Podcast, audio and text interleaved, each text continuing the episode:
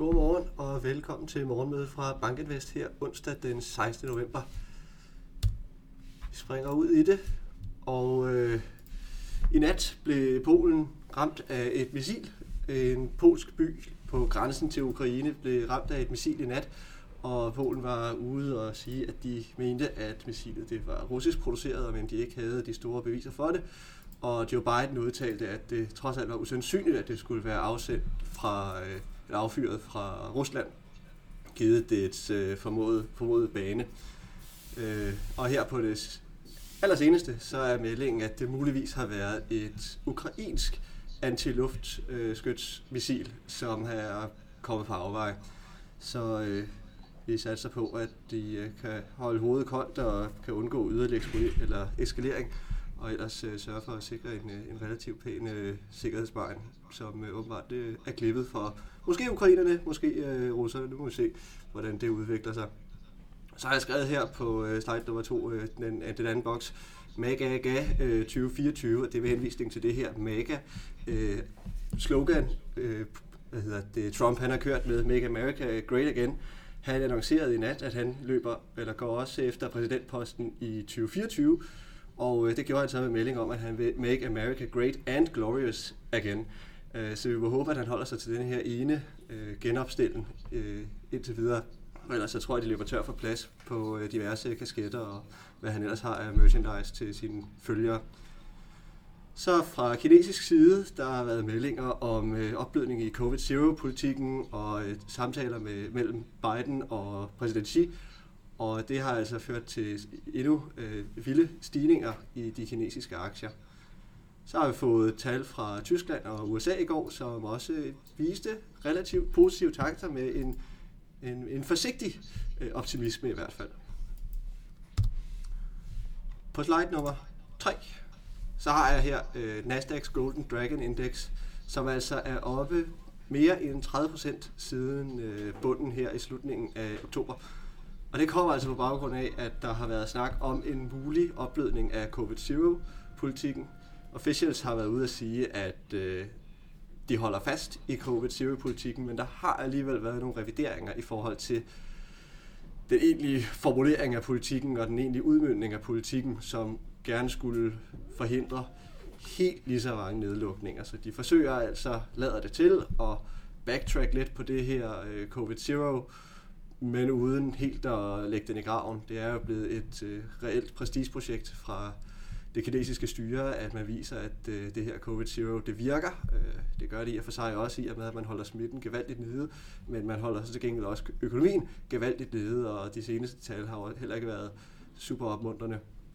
Nu håber de så på, at øh, den her revurdering af politikken kan give et, øh, kan, kan gøre, at det bliver mindre omkostningsfuldt for økonomien, når de skal lukke diverse øh, områder ned. Der er jo ganske mange mennesker, det drejer sig om, når de skal lukke nogle store byer ned, som de indtil videre har gjort. Så har der været samtaler mellem Biden og øh, præsident Xi i Kina, eller i forbindelse med G20-topmødet, og de var vist også, som øh, Peter også fortalte om i går, ganske positive takter og et, et tilkendegivelser om et øget samarbejde på en, en række punkter.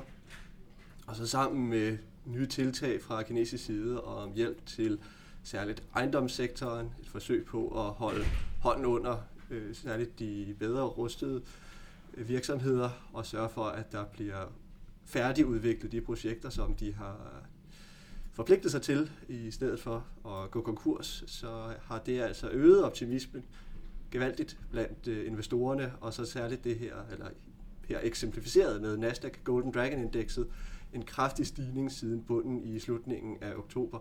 Det ændrer ikke på, at det stadigvæk har været et hårdt år for kinesiske aktier, som altså er nede øh, år til dato, men det er de rigtig globale aktier jo i og for sig også.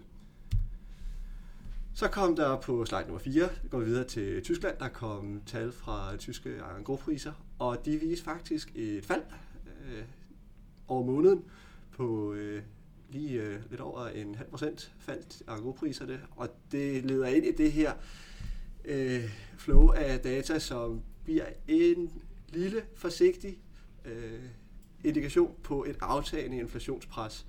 Øh, vi så også, havde i, øh, i sidste uge et øh, svagt øh, eller lavere øh, CPI-print fra USA, øh, overraskende lavt CPI-print fra USA, og her nu fra de tyske agropriser, kommer ind lavere end forventet, og der kommer også øh, på de amerikanske øh, producentpriser, men før vi kommer til dem, så tager vi lige slide nummer 5, hvor der også kom øh, den her CDW-survey ud fra Tyskland om øh, sentimentet i forhold til den økonomiske situation.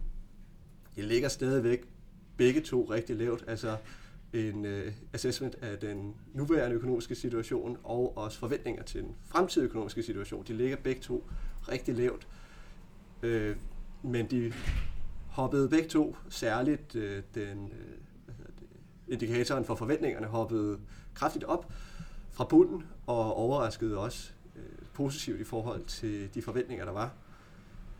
Så en, en, en lille øh, opblødning i sentimentet i, i, i Tyskland over for økonomien, og hvordan øh, den også kunne se ud for fremtiden eventuelt. På slide 6 hopper vi tilbage til prisudviklinger, men nu er vi hoppet til USA.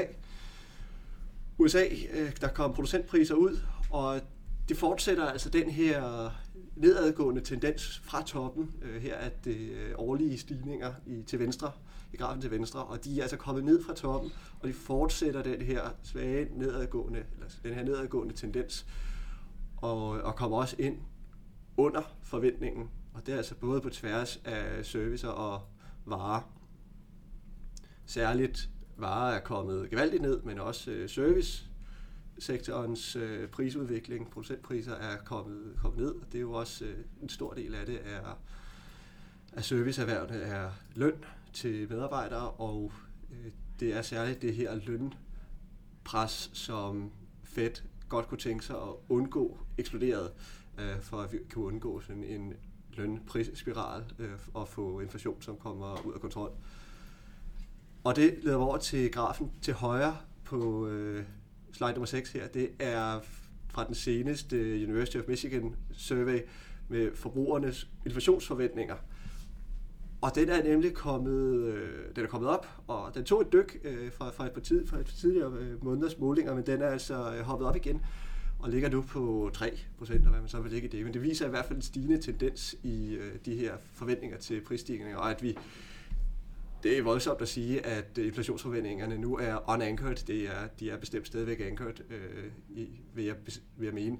Men de har jo udvist en stigende tendens, og at hvis forbrugerne har højere forventninger til prisudviklingen, så er det noget, som kan komme til udtryk i, øh, pris, i lønudviklingen, at de så jo også vil kræve mere i løn, når de kan se, at deres øh, nuværende løn den bliver udhulet af inflation, og de forventer, at det måske også vil være tilfældet fremover, at det ikke bare er en midlertidig ting.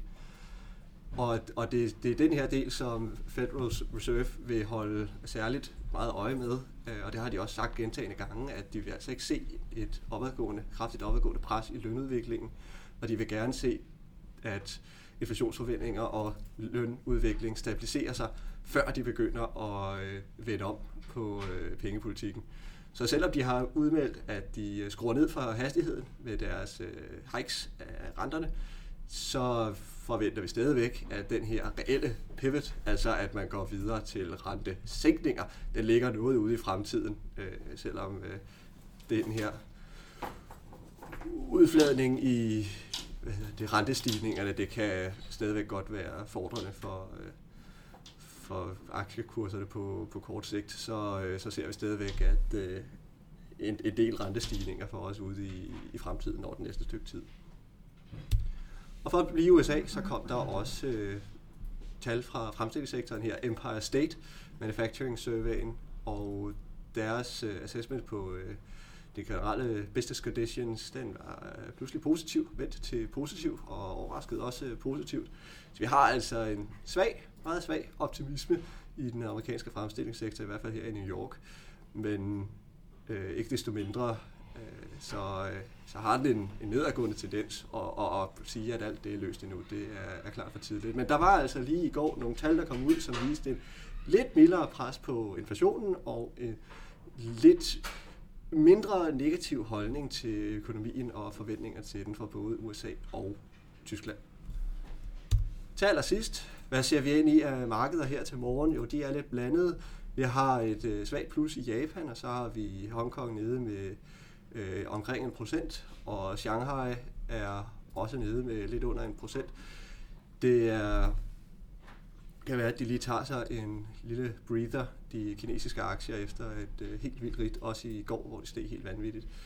Så på futures-siden, så er der et marginalt plus på de amerikanske futures, og et marginalt minus på de europæiske futures, som øh, vi må se, hvordan det kommer til at udmønte sig i løbet af dagen.